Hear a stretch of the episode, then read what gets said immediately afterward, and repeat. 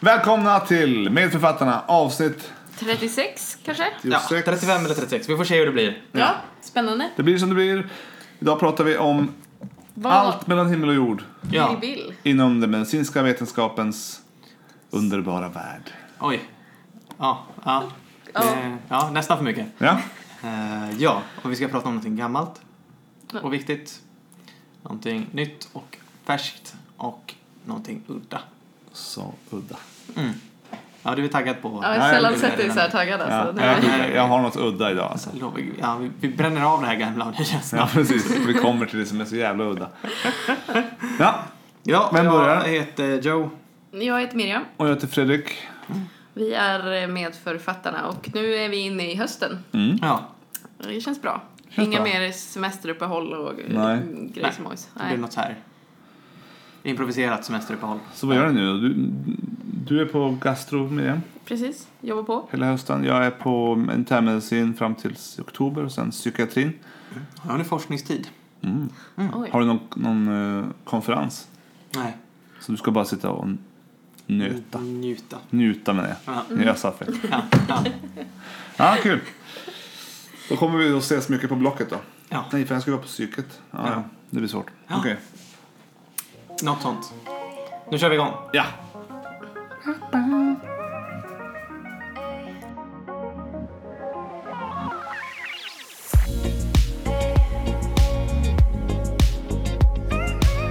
Ja, och då börjar vi med någonting gammalt och viktigt. Inte supergammalt. Och inte superviktigt, skulle jag vilja säga. Nej, inte heller superviktigt. eh, faktiskt. Eh, det kan ni ifrågasätta hur mycket ni vill.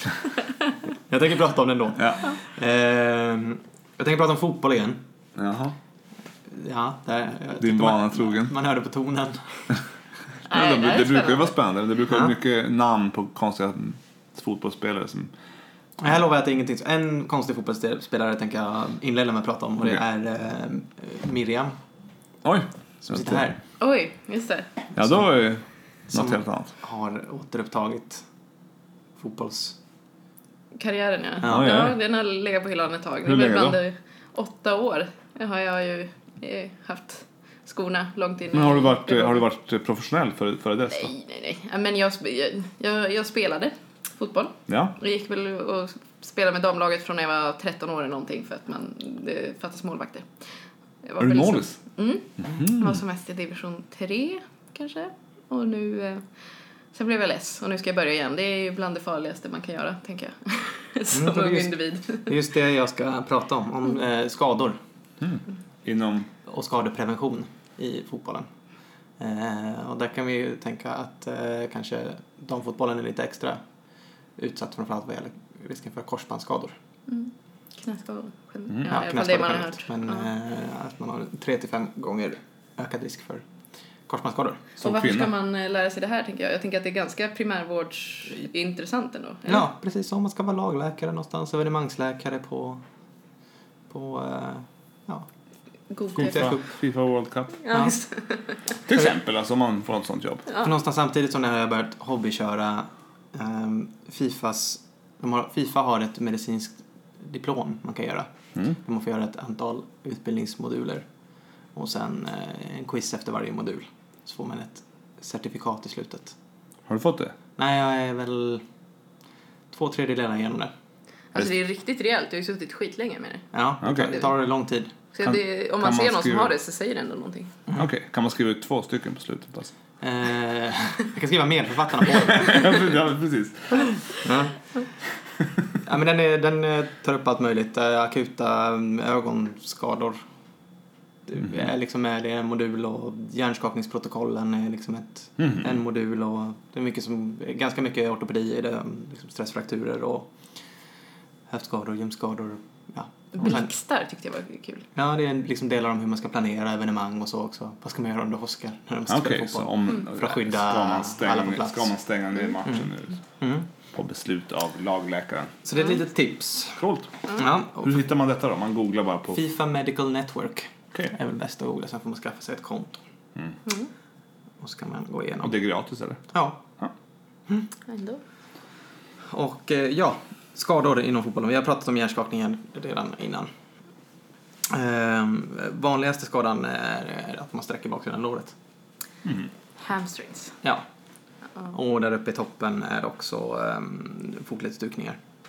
Ja. Ehm, och eh, korsbandsskador är ju relativt vanliga och väldigt allvarliga. Och som vi sa då, vanligare hos eh, kvinnor. Ehm, och den är väl liksom värre i den avsikten att den har ju inte bara sina akuta, sina akuta problem heller utan man har ju ökad risk för artros och Mm. sånt där senare i livet. Eh, och sen skadeprevention, det finns ju inte jättemycket evidens på. Man gör ju mycket. Eh, Värmer upp och... Ja, Stretchar har väl jätte... det saknas någon egentlig bra evidens för, för Ja. att man ska stretcha. Utan det som de verkar från Fifas håll i alla fall trycka på ganska mycket är att man ska eh, hålla på med excentrisk träning. Mm. Framförallt då för um, baksida lår. Den här, de kallar det för Nordic hamstring. Mhm. Som är alltså den här övningen när någon sitter och håller fast ens fötter. Man sitter på knä. Mm. Så sitter de bakom en och håller ner ens fötter. Mm. Och så faller man långsamt framåt. Okej. Ska man upp igen också? Och så ska man upp igen, ja. Precis. Oj. Men eh, så det blir excentrisk träning för Och excentrisk för oss som inte vet. det är Och, väl... och både... eh, Nej men inte att det både ska vara på, alltså ner och upp. Ja, precis. Alltså ska, Precis, man ska hålla emot också. Eh, Men ex- alltså man tänker biceps så är det koncentriskt när man drar handen mot axeln och så är det excentriskt på vägen tillbaka. Alltså du jobbar mot under utsträckning. det är alltså situationer där aktiva muskler genererar kontraktil kraft medan de samtidigt förlängs. Mm. Ja. Perfekt. Ja, Så i i det här fallet, Nordic hamstring är ju bara på vägen ner. Som Ja, exempel. då håller man ju emot. Så sen det är okej att liksom kravla sig upp igen. Sen är det det kon- ändå- koncentriskt, det är inte För jag tycker viktigt. det där är jättejobbigt. Då är det okej alltså att bara ta sig ner och sen... Fifa rekommenderar att man faktiskt kravlar sig upp härifrån och sen kör man. det, är, det är det bästa Men då är det alltså ner. hålla emot styrkan som är det viktiga. så muskeln förlängs men ändå arbetar. Ja. Okej, Eh, det låter rimligt att det skulle vara bra mot skador faktiskt. Ja, det har evidens för Ja. just eh, att man sträcker baksidan av låret. Att man kan sänka eh, sträckningen av baksida lår ganska rejält. Okej. 71 procent. För det är väl också vid tennisarmbåge så är det ju det bästa man kan göra i princip. Excentrisk träning. Mm. Så det verkar vara en grej. Mm. Och sen är det vissa andra grejer som man tänker sig kanske ska kunna funka med att bålstabilitet kan vara viktigt. Mm. ehm, för att förhindra nedre extremitetsskador. Ehm, när man sysslar med fotboll. Ehm, ja, balansträning kanske har någon effekt också men eh, liksom har ingen tung evidens bakom sig heller. Nej. Utan det är mest det här med excentrisk träning som har tung evidens bakom sig. Sen finns det faktiskt evidens för att tejpa fötterna vid fotledsdukningar. Mhm. Som För- alltså sekundär prevention. När man har, När du har, ja, för att förhindra att man stukar den igen. ja för det är ju ökad risk att stuka. Men Ja. kan man inte, finns det ingen test om, man, om det räcker, om det minskar första gångs stukningar? Mm. Det... Alla har stukat den en gång så det, Ja. Ja. Nej, det vet jag inte. nej. Men Okej, man, men det, så, det hjälper alltså. Men Man- det är någon speciell tejpning då man ska göra kanske? Ja, den kan man söka upp om man vill. Hur, Ja. Exakt hur man ska tejpa. Ja, det finns det i alla fall evidens för. ja, man ska ju, f- För man sysslar ju med väldigt mycket. Ja. Som man, eh, ja. Jag tycker om det finns no evidens för någonting i fotbollsvärlden, då ska man, eller i sportvärlden generellt, ska man nog hålla hårt i det. För att det är Ja. väldigt mycket som bara är Ja. på känsla liksom. ja, absolut.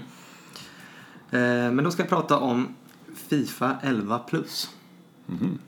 Eh, som är ett uppvärmningsprogram. Okej. Eh, som eh, testades först 2008 eh, bland damfotbollsspelare i Norge. Och det är den studien jag ska prata om nu. Mm. Som heter eh, Comprehensive Warm-Up Program to Prevent Injuries in Young Female Footballers, a Cluster Randomized Trial. Okej. Riktig science. Mm. Och då är det 125 klubbar med i åldern 15 till 16 år Ja. i eh, det norska divisionssystemet. Ehm, och i den här studien så riktade man sig då till eh, klubbar som hade minst två träningar i veckan och en match i veckan. Mm. Och sen gjorde man då klusterrandomisering. Vad är det? Tänkte jag ni skulle få förklara först.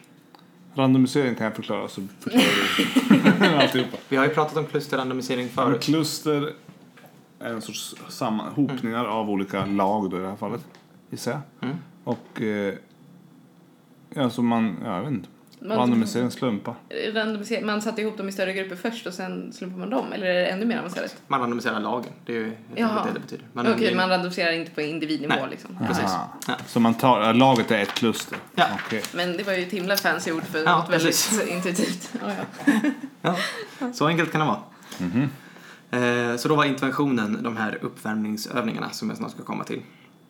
Eh, som hälften av klubbarna fick. Hälften av klubbarna fick värma upp som vanligt. Mm. Och som incitament för båda klubbarna för att de ändå skulle rapportera och vara med i den här studien var att de skulle få ett gäng väldigt dyra bollar. Om de var med? Mm.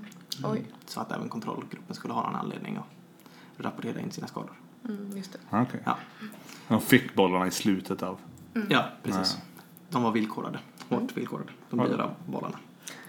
Ehm, och eh, Ja, men det är ändå hårdvaluta. ja, det är det. Mm. Absolut.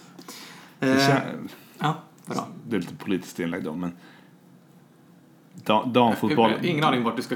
Nej men så, damfotboll, de fick... De, om ni är med så får ni några dyra bollar. Herrfotbollen hade kanske fått... Om ni är med så får ni två miljoner euro. ja. Eller? Ja, det, det Men det här var på varit- 15-16 års Ja, det är sant, nivå. sant. Så det är ändå ungdoms... Du, Ja, man sant. måste ju hitta någon mellannivå hela tiden också när det gäller ersättning till forskning. Det ska ju Ja. vara så här, Mm. Ja. men man vill ändå ha det fast det ska inte vara så här wow. Precis. Nej, precis. Du får inte titta på... Ju fler skador ni har, desto finare får Ja. Klipp bort det. Nej. Klipp. Yes. Och som led i den här interventionen, man skulle då göra det här programmet med uppvärmningar så man fick en DVD med hur man skulle göra uppvärmningarna. Eh, En kurs på tre timmar om hur man ska göra det här eh, uppvärmningsprogrammet. Mm. Eh, Där man också liksom, det ingår lite grann i själva interventionen känns det som att eh, i det här liksom utbildningsmaterialet så finns det uppmaningar om att fokusera då på bollstabiliteten, på höftkontroll. Jag är inte riktigt säker på vad höftkontroll innebär men det ska man fokusera på. eh, och att man eh, ska undvika att hamna då i valgusställning eh, när man byter riktning eller när man landar. Så knäna ska inte peka inåt. Knäna ska inte peka inåt, nej. Nej. Eh, Eller bukta inåt kanske det blir mer. Eller jag vet inte. Ja. Ja. peka. Peka, bukta. Ja, vad som helst. Koben. Ja, det, är en, det är en medicinskt korrekt term. Mm.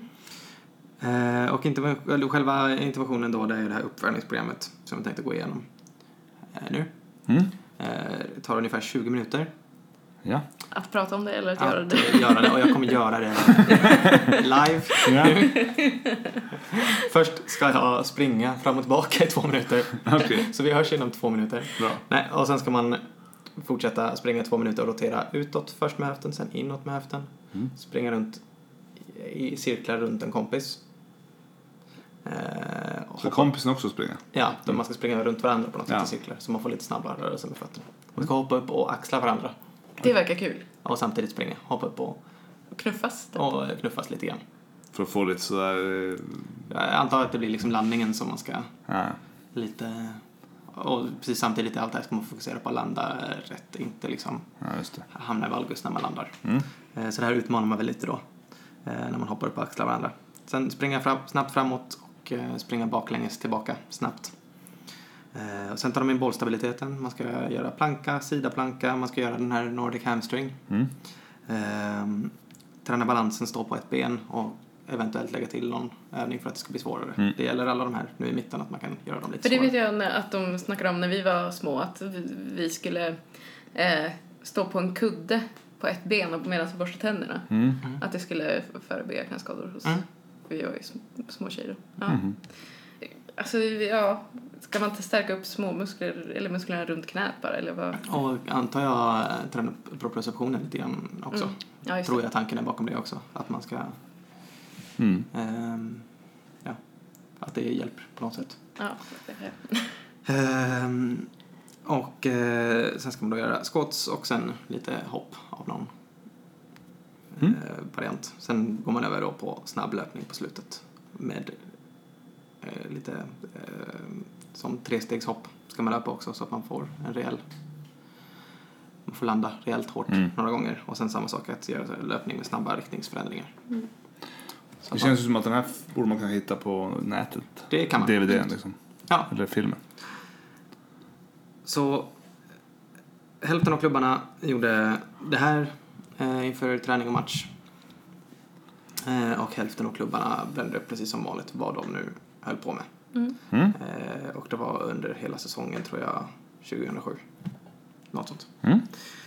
Ehm, och så skulle man då under den här tiden re- registrera eh, alla skador. Tränarna rapporterade in vilka spelare som var med på alla träningar och alla matcher.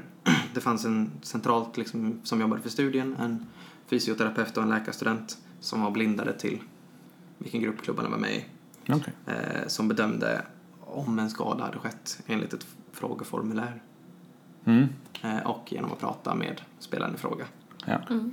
Eh, och då bedömde man ju då också om det var en akut skada, eh, där trauma var inblandat, eller om det var vad de kallar en overuse-skada.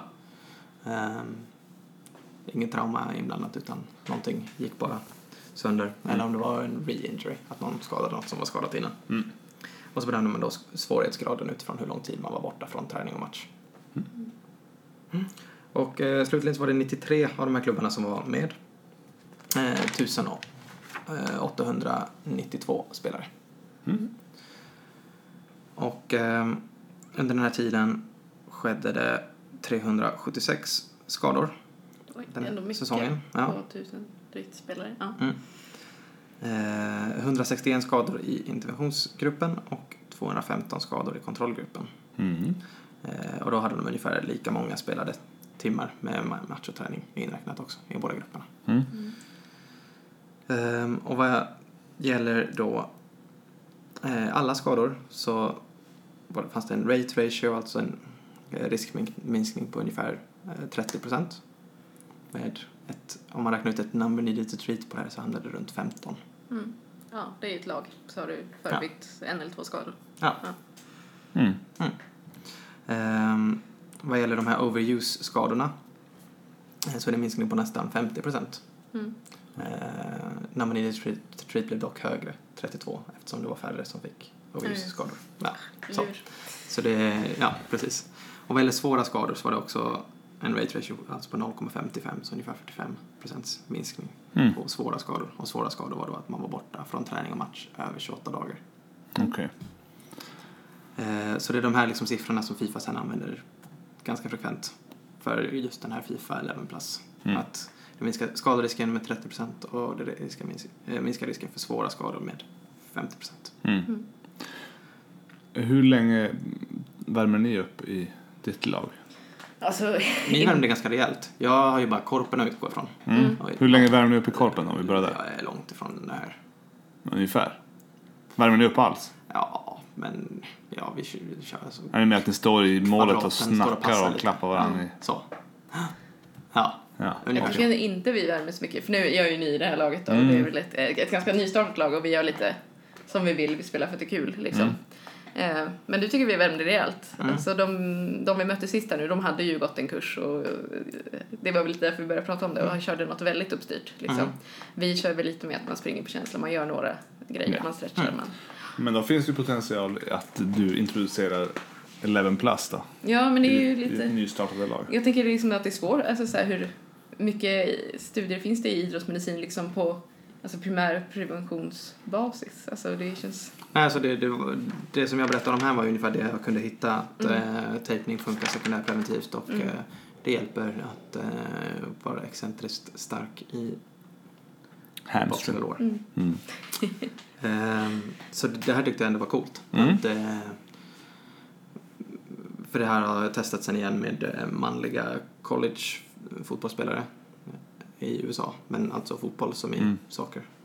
Ehm, med ungefär ja, en minskad skadefrekvens på ungefär 46 procent. Och det finns någon systematisk review på Mm. dem. Ehm, jag tror det är kanske kring ett tiotal studier som har gjorts. Den här systematiska reviewen visar att det finns en eh, effekt som ligger där ungefär Mm. Mm. då liksom att du minskar skaderisken med 30 procent. Mm. För det tar ju lite tid att lägga 20 minuter varje, varje träningspass. Men samtidigt lät det ju som att det här var ganska jobbigt också. Så det kanske i sig är liksom... Ja, precis. För det finns ändå lite eh, av en eh, progre- progress i vissa övningarna. Att Ah. man kan gå upp och göra dem jobbigare. Mm, okej. Eh, och de har studier också, Fifa, på att eh, jag vet inte hur de föll ut, men de har gjort studier också på om det kan liksom förbättra eh, performance. Ja, jag tänkte också det. Vem vann serien där? Ja, precis. Att eh, det också kan. Det finns till och med, jag tyckte det var så roligt för eh, jag gick igenom den här modulen på utbildningen så var det en, så det, som var en studie som hade visat att lag som har färre skador presterar bättre Mm. i Champions League och i sina egna ligor. Det är rimligt. Ja, det är ganska rimligt, men det är skönt att det finns evidens bakom det också. Ja, ja. Ja, men man tycker i alla fall att vissa av de här grejerna är ju att det är vettigt att exponera sig just för hopp och lite närkontakt och snabba vändningar, inte bara på match utan även Nej. Mm. rutinmässigt annars också. Absolut. Annars tycker jag det är så, det är verkligen lurigt och då så bara, ja men du är ju läkare, vad är det här då? Man bara, Mm. alltså just mm, när det gäller muskuloskeletalt och inte liksom den typen av svårare skador som man kanske ser på akuten så Nej. tycker jag det är väldigt svårt att uttala sig liksom. Mm. Ja, verkligen. Får rekrytera en sjukgymnast också. Så. Mm. Mm. Där, fan- där, finns en del på eh, de här utbildningsmodulerna. Ja, Nej, men det var Spännande. Men Tips och Fifa, tricks Fifa till- 11 plus tycker jag ska spridas. Ja, Som verkligen. det, Vad kommer 11 plus? Var 11, 11 ifrån? 11 spelare, antar jag. Ja. Men eh, Eller att man måste vara över 11 år för att få göra Nej, jag trodde att det var det det var först. nej, jag tror det är, har visats funka. Jag tror det är 13 som är den nedre gränsen. Som, Okej. Jaha, Mm. se där. ja, så det tycker jag man ska anamma, Ja, faktiskt. det var bra. Till alla våra fotbollsaktiva och Ja, jag tror det Fotbollsföräldrar har spritt sig lite grann. Någon har testat det på basket också. ja, Jag har ja, inte läst den studien heller, men det kan man ju... prova sig med. Ja. Ja, tack Ja. för det. Vi går vidare till någonting nytt. Mm.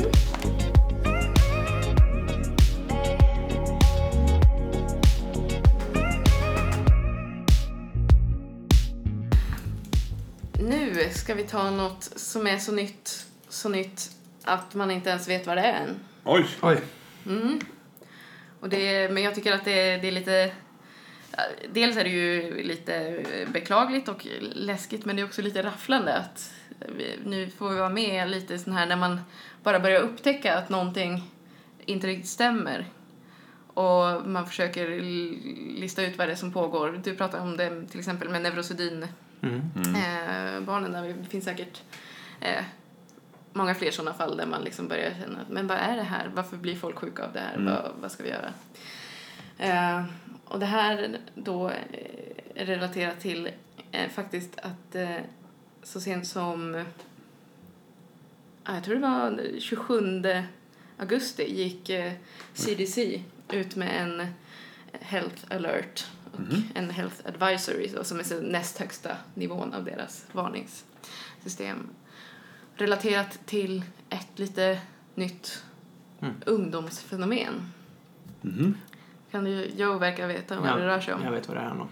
Eh, har det något med teknik att göra? Nej, Nej, så Eller inte, ja, inte Ja, mobil. lite grann. inte mobiler. Men e-cigarett. Ja, vaping, Mm, eller som det också Mm. kan kallas. Eh, och jag menar, e-cigaretter har väl funnits ett längre tag, tror jag generellt ändå, det i, i. Sverige. Eh, Ja, några år funnits. ja, Ja. jag tror jag hittade att det ändå var sen 2010 i alla fall. Ja. Mm.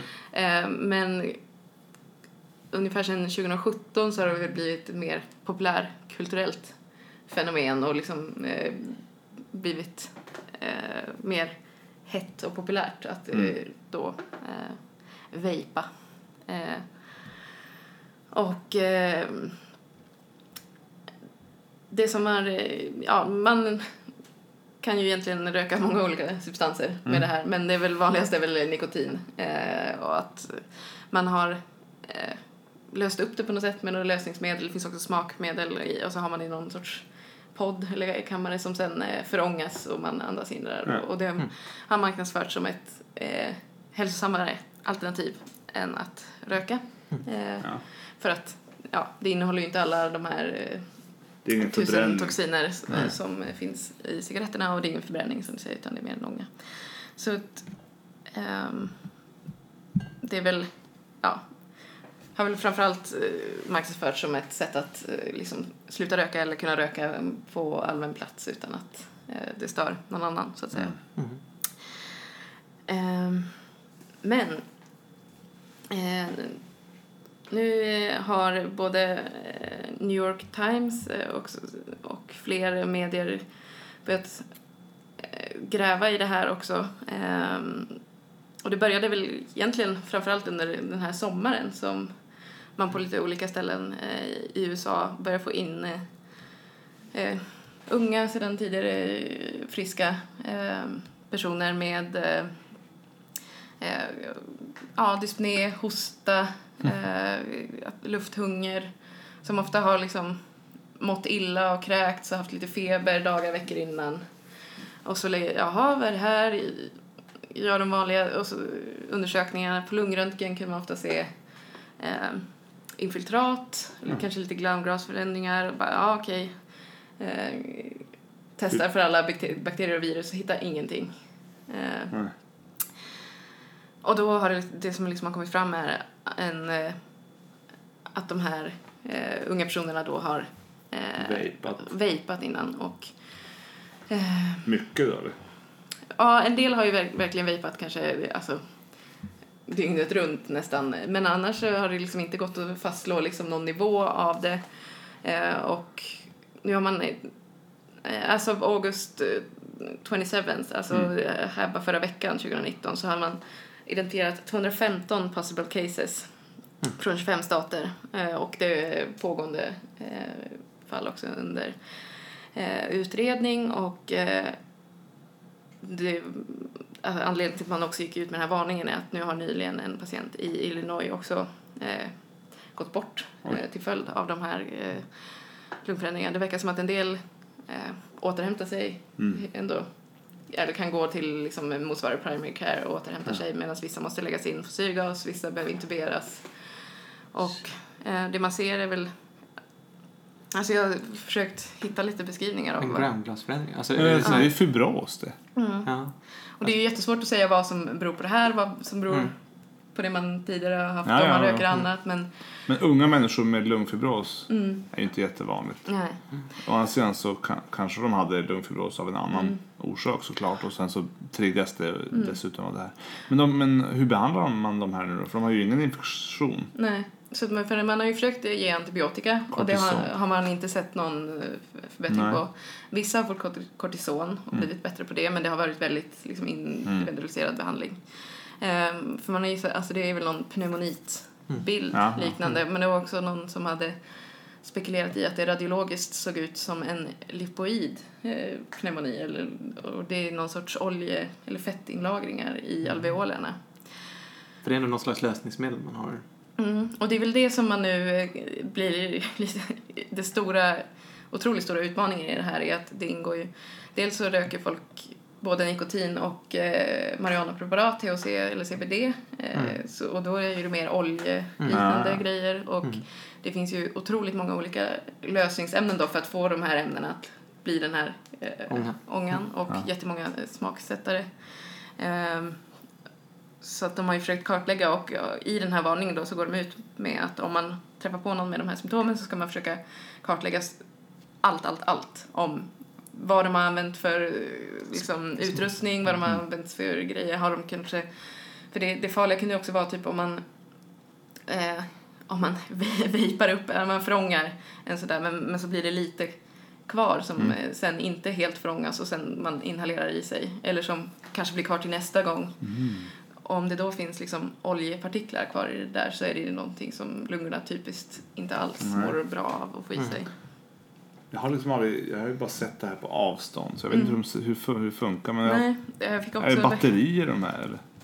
Jag gissar det, för de är ju liksom handlade och Alltså USA är ju liksom också mm, ibland lite lätt moralpaniskt för det finns verkligen artiklar om att oh, eleverna tar med sig in där på skolan och alltså att de här devicen är liksom förklädda att se ut som, det kan se ut som pennor, ficklampor och Ah, allt möjligt liksom. Så här, eh. Men det, det syns ju, det, det ryker ju ändå. Ja, men precis. Att, att om du använder dem så syns det ju. Fast det är klart, går du in på toan då och gör det så det luktar kanske Ja. inte, jag antar att det inte luktar så mycket som... Ja, det kan ju lukta rätt gott. Alltså så. Ja, det luktar det är inte så... det luktar. Nej, Ja, nej men precis. Det luktar ju inte liksom rök. Skit, nej. Mm.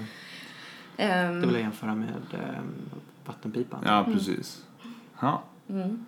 Så att... Så eh, det här är helt, eh, det, man, man, det, på, det pågår alltså just nu. Ja, men precis. Det är... eh, Precis, varningen kom nu, nu och det är precis... Men det har ändå funnits, som du sa, som kanske 2010 så det, det, Ja. det kanske att det har blivit så, så himla hett nu så att det Ja, är... och utbredd användning. Och sen såklart så finns det ju otroliga företagsintressen här. Jag Ja. tror det vanligaste brandet där i USA heter Juul, eller alltså J-U-U-L. Så Ja, Man jag- kan till och med kalla dem för Jules tror jag eller sånt där. Jag Ja, tror att de, jag, jag läste något om att de hade varit ute på skolorna och Mm. promotat det, det här, sina produkter. Men det är, det är väl 18 års åldersgräns Ja, det är även en- på det här tänker jag, i USA. Mm. För det här har ju också varit en del av kritiken är ju att alltså man eh, hälsomässigt så tänker man att det ska vara liksom rökare som eh, ska använda det för att Ja. steppa ner. Ja, Men ja, ja. egentligen det man Det gör är att, ju. är att exponera en Ja, ny generation för nikotin och så har man liksom försökt problematisera nikotinet men det här är någonting utöver Ja. nikotineffekterna som man ser nu. Och de här företagen då skyller på att, ja, men att det finns massa eh, liksom, svarta marknaden produkter Ja. och dåliga tillverkare och sådär. Och, Och, så, och att man använder annat än nikotin. Sa Mm. jag att någon hade. ja, men Att de hade. För de säger sig att deras eh, Ja. maskin um, och Mm. deras liksom, podd med, den är helt ofarlig. Mm, Det precis. ja. Och sen finns det ju dessutom hela, eh, alltså legalisera marijuana, eh, liksom, det är ju också stora marknadsintressen i den också Mm. så det finns, alla skyller lite på varandra Mm. i, i det här läget. Men eh, det är ändå, eh, här är liksom att man ska verkligen, man ska rapportera alla fall av severe pulmonary disease med oklar etiologi Mm. och där man har liksom använt en e-cigarettprodukt de senaste 90 dagarna. Mm. Eh, och, och då ska man liksom, det finns en jätte-questionnaire och man ska liksom försöka få tag på vad det Ampull. är så att man kan skicka för testning och Är det sådär. här, är det här amerikanska läkare? eller Det här är de- amerikanska Är läkare. de För, intresserade av, av utländska? alltså det är de väl säkert om, om vi hittar något. Jag har inte, jag har försökt söka på alltså, svensk rapportering om det här men Mm. jag har inte hittat Vad, skulle vara motsa- vad är motsvarigheten till CDC i Sverige då? Det är typ... Väl Folkhälsomyndigheten eller? Ja, det borde det vara. Ja, Center for Disease Control. Ja, Ja. Det låter... Smittskydds... Nej. De heter väl inte det längre? Ja, men, för, men gamla smittskydd har väl ingår, är nu Folkhälsomyndigheten. Folkhälsan, Ja. okej. Mm. Det får, väl, eh, får man väl ringa dem om man hittar någon, se om de är intresserade. Ja, för jag försökte hitta hos dem också, men där hittade jag liksom lite gammal statistik igen Jag på att... tror ju inte att det här är så stort alls i Nej. Sverige som, det, som jag får känslan att det är i Man USA. ser ju ändå mer med Ja, ja. Mm, men det är ju Men typ de senaste många, året. Många så- fler som röker cigaretter fortfarande, ser jag åtminstone. Mm. Mm.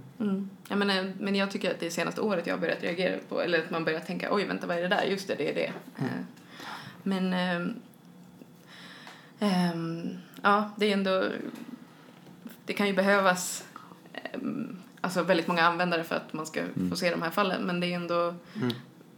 alltså Numbers needed to vape. Mm, precis. Men att 200 tidigare friska eh, unga människor blir svårt sjuka är ju liksom Mm. ett... Observant. Ja. Ja. Verkligen. Så det, ja, de rekommenderar att om, om det är kliniskt indicerat så vill de helst att man gör en, en bal också, så här bronkialveolärt Ja. lavage för att försöka få tag i något man kan testa. För det räknas inte som en pneumokonios eller? Nej, de har inte liksom nämnt Nej. det hittills i alla fall. Det är någon sorts, För de har ju namn allihopa. det är någon mer akut Mm. bild. Sen vet man ju inte alls heller vad som händer om man har rökt det här i 20 år heller. Nej, det är som har Bara akut pneumonitbild. För det är just det, när man inser sen och läser liksom lungmedicin eller också eh, arbetsmiljömedicin när man förstår att i princip allting du inhalerar under en lång tid som mjöl eller eh, damm eller frisörprodukter, allting kan ju förstöra din lunga på lång Mm, sikt. så är det ju verkligen så här, jaha, hur, hur testar man att saker man andas i det här då är safe? Ja, det är ju liksom Mm. jättesvårt. Mm. Ja. Jag har ju bara hört om det så, men det, det, att det är som vattenånga typ. Mm.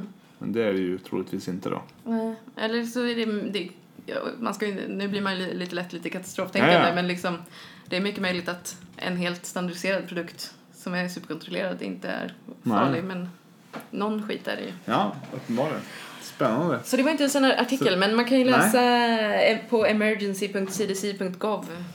Det är deras eh, eh, Health Alert Archive, den allra senaste varningen som utgår från dem om man vill. Det Så var får man se om det kommer fler då. Men det kommer ju säkert studier på det här då. Mm, under ja, hösten. de måste ju komma mer och mer rapporter när de samlar ihop vad det Mm, kan vara. Mm. Mm. Intressant. Tack för det. Yes. Bra, men då går vi vidare raskt till något udda. Yes, det gör vi. Ha det.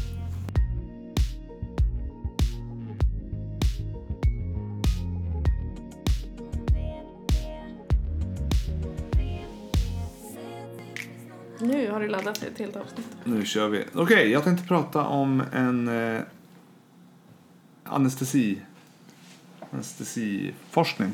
Forskning inom anestesi. Eh, ifrån en tidskrift som heter British Journal of Anesthe- Anesthesia från 2015. Eh, och den handlar om något som eh, heter Bispectral Index. Eh, det har ni kanske troligtvis aldrig hört talas om. Det hade inte jag gjort åtminstone förrän jag var lite... Eller? Det låter som något som med glasögon att göra. Ja, typ. Nej, men det verkar vara en sån här... Eh, jag var några veckor på, på IVA och anestesi som valbara veckor och då, då dök det här upp och så började jag intressera. Då pratade vi om det och intresserade mig för det. Och det är, någon, det är alltså en, ett sätt att mäta EEG typ eh, på en patient som, som man söver för att eh, kvantifiera hur sövd är den här patienten. Vi är, nu är vi 100. Vi är alltså inte sövda alls. Ja, 80, 89, nej. Ja. Men så, så ner till eh, eh, under 80, eller över 80 är man vaken. Under, Mellan 60 och 80 så sover man men man kan reagera på stimuli. Och eh, 40 till 60 så är, är man lagom för kirurgi. Så det är bara, bara börja skära liksom. Då, nu är den här patienten helt sovande. Tycker man, om man följer det här BIS. Men man kan alltså vara för låg. Alltså om man ligger på 30. Ja, det kan man troligtvis. Då är man för, för sövd. Kanske. Då är man på Då kanske man är för... Så jag har ingen aning. Ja. Jag är ju inte anestesiolog. Så, men jag, och, eh, det här ska inte handla så mycket om den här, eller det ska det ju på sätt och vis. Men i alla fall, eh, man vill ju inte bara söva folk, man vill ju också kunna, man vill ju kunna intubera dem. Mm. Och man vill att de ska ligga stilla, ibland jättestilla. Typ på neurokirurgen vill de ju absolut inte att de, att de rör sig någonting. Och då ger man ju mu- muskelrelaxantia. Och då har man toffen. Som är med. De har en toffen, ja. Train of four. Mm. Eh, som man kan testa och se var man ligger. Just det. Ja. Det använder man väl både när man, när man sänker dem med, med, men också när man ska väcka dem. Precis. Vill du förklara lite mer med det? Train of four. Så du skickar en, en strömstöt på ulnarisnerven tror jag det är. Nej, ra, ja. radialis kanske faktiskt att det borde vara. På någon av nerverna i handen och sen så har man eh, så mä- mäter man eh, s- muskelryckningen i, me, mellan pekfingret och tummen kan man säga. Den ska vara liksom borta om man Ja, är relaxerad. Precis, så man skickar en, en stöt, det gör tydligen jätteont också om, om man är vaken. Så man skickar en stöt där och sen så ska den då, man skickar fyra stötar snarare, train of four. Så, så mäter man hur första kanske går igenom men inte andra och inte tredje och inte fjärde. Eller så kanske de blir lite svagare och svagare. Men eh, precis, när man, när man ska väcka någon då vill man ha tillbaka, då ska toffen vara fyra, då ska, den, då ska man känna allihopa så att säga. Ja, eh,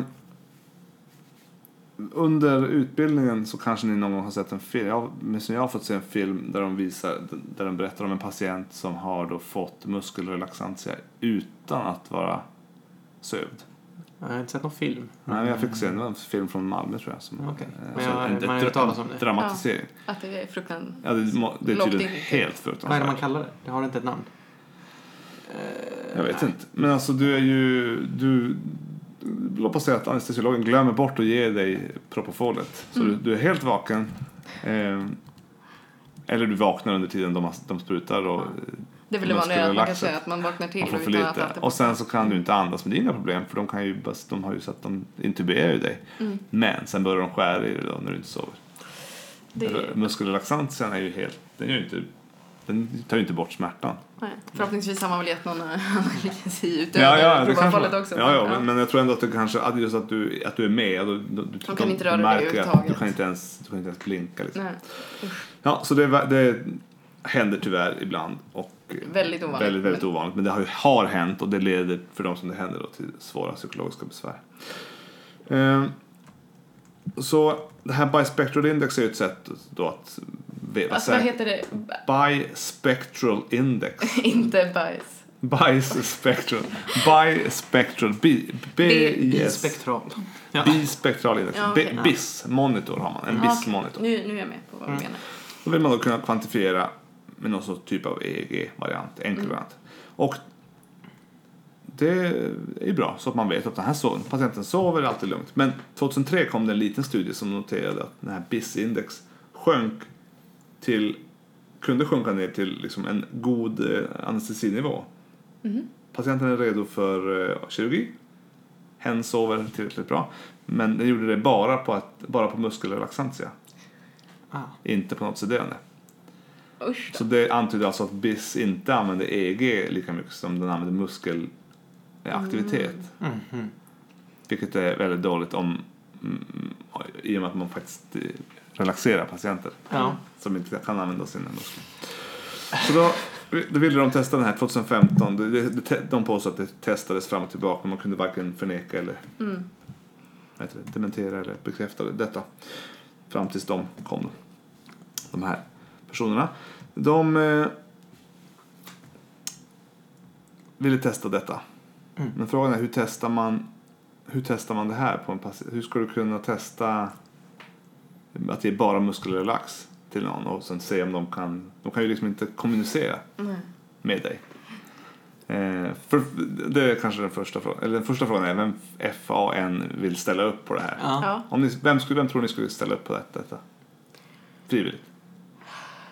Alltså om de inte skulle skära i en överhuvudtaget. Nej, de ska, bara, de ska, sätta, de ska ge dig muskelrelax. Ja. Eh, Anestesiologerna är där, de, du är på ett operum. Ja. Allt är liksom kittat. De kan söva dig, de kan ge dig Propofol Rescue-dosen när som helst. Mm. När du ber om det. Ja. ja, det är svårt att göra. Ja. Ja, Alltså det kommer bara vara en obehaglig upplevelse i, fast väldigt, eh, Ja, väldigt det, det får inte bli en obehaglig upplevelse. Nej. Så att vem tror ni då, vem skulle ställa upp på detta tror ni? Vem känner sig tillräckligt säker med att anestesiologerna vet vad de gör? Anestesiolog. Ja, anestesiologer. de testade på sig. Oh. Självklart är det, en, det måste ju vara en Ja. anestesiolog som förstår vad det är för läkemedel Mm. och som fattar Ja. att eh, det kommer gå bra att söva det Mm. och så om det. Eh, Så det var första steget. De hittade då 12 12 ST-läkare. Ester. Tror det var underläkare som ville bli Ester. Nej. Just det. Det är inträdeskravet. Det här får ni ett residency om ni bara ställer er på det här. Nej, det var, de var mellan 29 och 52 år. Så var de blandat. Ja, det var en 52-åring och så. Precis. Så då fick de dem att ställa upp. Men vi, vi ställer upp på det här. Vi litar på våra kollegor. Mm. Och de hade en massa, man fick inte ha en, några sjukdomar. Man skulle vara ASA-score 1 eller 2 Mm. och så vidare. Och eh, sen var ju nästa steg då, hur ska man kunna testa, hur ska man kunna kommunicera med dem? När de ligger där och har En fått- muskulariserade. fått- När de är De relaxerade. kan inte Då kom de på en sån flytta ögonen eller? Nej, nej, nej. Fan, nej. flytta någonting. Men då kom de på en, ja, det är genialt. Då sätter de en Venflon, alltså en PVK i vänster arm. Mm. Och så sätter de en blodtrycksmanschett på höger arm. Och så pumpar de upp blodtrycksmanschetten till 300 mm kvicksilver. Eh, så att, och så kollar och kontrollerar de att det finns ingen radialispuls Mm. såklart. För 300 mm kvicksilver ska vara tillräckligt. Och sen så ger de... Jag fattar när inte allt- någonting. Ja, men hög, högerarmen Pumpar upp ju... högerarmen Ja. så att du har inget blod. Inget blod går från någonstans. Ja, så det ut- kommer inte in. De blir inte relaxerade i Nej. armen. Aha, fan. Så de två läkemedlen de ger är- de alltså Celucurin, Mm. Suxametonium och det är precis som acetylkolin. Alltså så har precis samma effekt som alltså, är närmast identiskt med Mm. acetylkolin. Så det, det sker ute på, Mm. på motorändplattan. Men mycket mer utdragen effekt Mm. obviously. Och sen så använder de Rocuronium eller Esmeron Mm. som eh, också är på motorändplattan. Så det måste, måste ut till muskeln Mm. annars så gör det ingenting. Mm. Mm. Så då stänger man bara av blodtillförseln i högerarmen. Och det, man kan ju vara blodtom i ett par timmar utan problem. Mm. Mm. Eller utan problem Tänk att det kan göra lite ont. Det kan göra jätteont. Ja. Eh, så därför var de inte det så jättelänge. Nej. Men eh, och sen så, så de pumpade upp det där, kollade att eh, allt var okej. De fick eh, andas, suga oss i två minuter och blunda. Så kör de igång den här BIS-index-maskinen. och sen sprutar de eh, Celucurin. De har pumpat upp den där på armen, ja det har de gjort. Mm. Eh, och så sprutar de Celucurin eh, vid första tillfället och sen några veckor senare så kör de då samma sak med Rocuronium. Mm. För det är depolariserande och. Det... Ja. ja. Eh, så Celucurin är en, Depolariserande va? Eller? ja där får du ju en sån här eh, Ryckningar. Mm. en, en fascikulation. Mm. Ja, och eh, Resmeron är icke depolariserande. Och snabbare tillslag. Och så ventileras som under tiden. Mm. Ah, ja. Ja. Ja. Ja, absolut. Ja, för de, som, de kan ju inte röra Nej. en muskel. Absolut inte sina, sina muskler i Jag längden. antar att man hade hört talas om den annars. Glömde den lilla... Nej, och sen så har de då ett förutbestämt eh, handsignaleringssystem med högerhanden. Så de kan visa, de kan svara på frågor, de kan visa ja, de har ett sånt safe word typ så de kan säga slu, sluta då får de en 2 milliliter eh, per kilogram Propofol direkt. I- allt finns ju klart liksom, Mm. ventilatorn sitter där. Så det var Så de då. somnar direkt. Mm. Så det finns det, så att minsta lilla tvekan eller, eller om de inte svarar på frågor då gör de också samma sak. Mm. För det skulle kunna vara så att det smiter förbi Mm. och att de inte kan svara. Eh, och så får de frågor som eh, de får lite frågor som, som de ska, som måste använda hjärnan. Mm. Eh, inte bara, alltså de måste liksom använda kognitiva funktioner som vad är 42 minus 9. Så ska de då visa med fingrarna hur det är.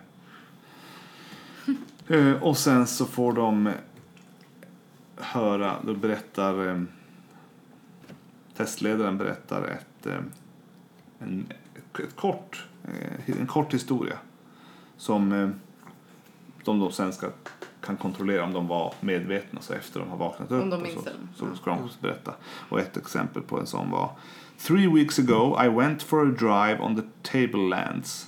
I went to Lake Barron and I fed a bush turkey. Ja.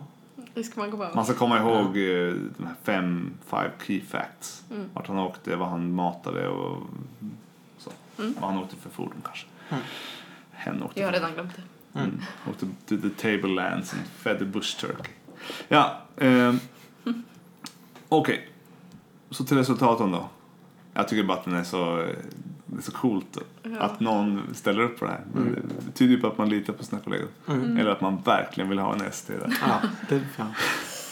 Och eh, vi börjar med suxametonium eller Celokirin. Mm. Så, eh, så var nio av tolv, var 12 personer, nio av 12 fick en, en sänkning i BIS. Mm. Det kommer vara under 80 var man, upp till å- 80 upp var man vaken och så under 80 var man då eh, sovande och sex, under 60 var man då färdig för kirurgi. Mm. Så att eh, 9 av 12 gick ner till mellan 75 och 85 med en median på 81. Mm. Fast att de är ju helt Mm. vakna. Mm.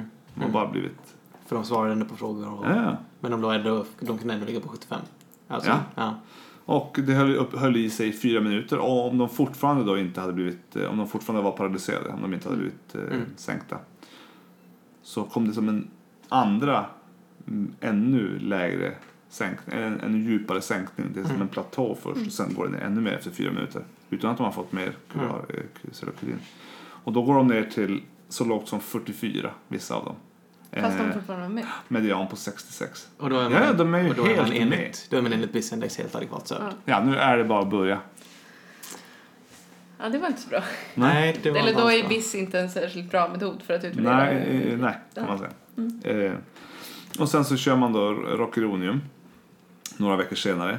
Eh, då, fick, då var det några som fick problem med att de tyckte det var obehagligt med, med eh, saliveringen i halsen. Mm. Så att eh, de två första fick göras om. Eller vad det var. De, fick, de, de behandlade dem med någon sorts minskade väl sekretionen. Mm.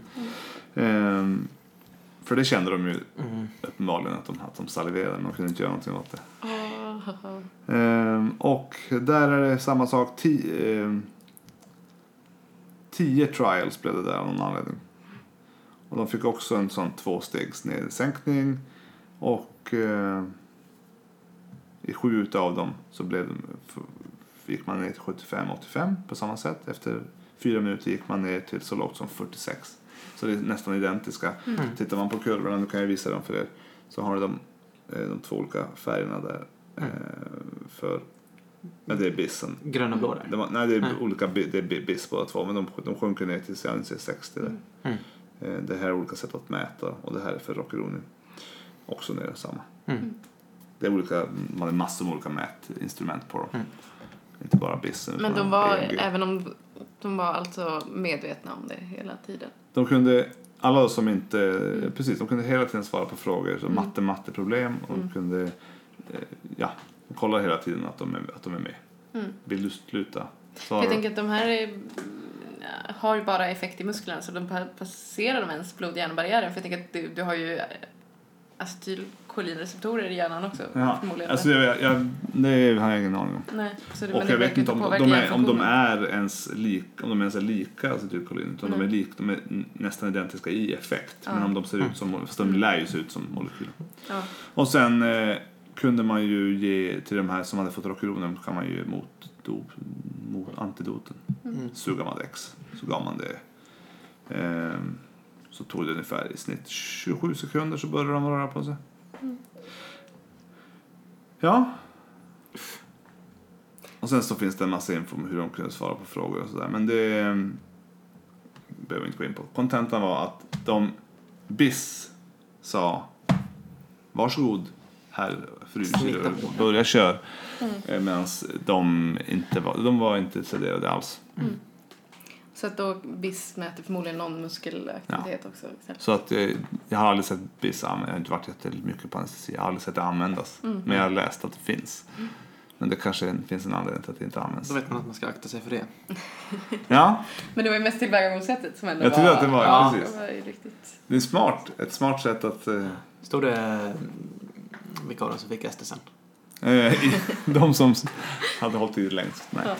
Nej, det var inget sånt tror jag inte. Mm. Det, det var väl just att, menar, är man själv anestesiolog och, och verkligen förstår vad det Ja, innebär. om man och ger hur- dem de här medicinerna dag, flera gånger dagligen. Liksom. Ja, precis. Så, så är det nog väldigt lätt Men att... sådana små saker som man bara inte kan korrigera för att man inte kan röra på sig. Det är ju Ja, visst. Mm. Men det var inte, det var inte Ja. jättelånga tider. Vi pratade om en kvart kanske. ändå. Ja.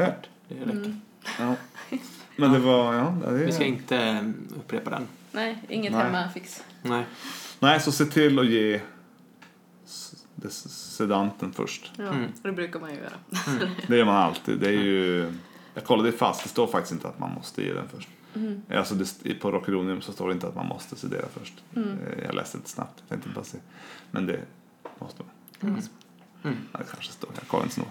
Ja, det var, det var kul tyckte jag. Ja, ja, det var Ja, så vi skrotar BIS-index. Ja, det är mycket möjligt att det, men den här, Ja. enligt den här så kan man Ja. skrota i alla fall. Mm. Jag skulle inte vilja bara att de litade, förlitade sig på BIS-index på mig Nej. om de opererar mig. Nej, nej. Jaha, det var allt för avsnittet här då. Ja, starkt avsnitt. Ja. Vi eh, är tillbaka om två veckor igen. Ja. Då med någonting från Örebro då. Ja, Ja, beroende på precis. vilken ordning det blir. ja, vi får se vilken ordning. Men Ja. Örebro ska vi till innan hösten är slut, höll jag på. Precis. Ja, precis. Vi kommer till Örebro om, inom kort. Ja. Så har ni någonting på Örebro så skickar ni det på Instagram till medförfattarna eller till Twitter. Samma. Och hör av er med allt annat. Mm, om ni har något. Vad som händer i era liv. Ja. Och ja. Säg hej. Säg bara hej, det räcker. Ja. Gott Ja. och väl. Perfekt. Ha en trevlig kväll. Ja. Eller, dag. Eller dag blir det. Ja. Eller vad ni nu vill. Något sånt. Mm. Ha det trevligt. Oavsett typ av dygnet. Hej då. Hej då.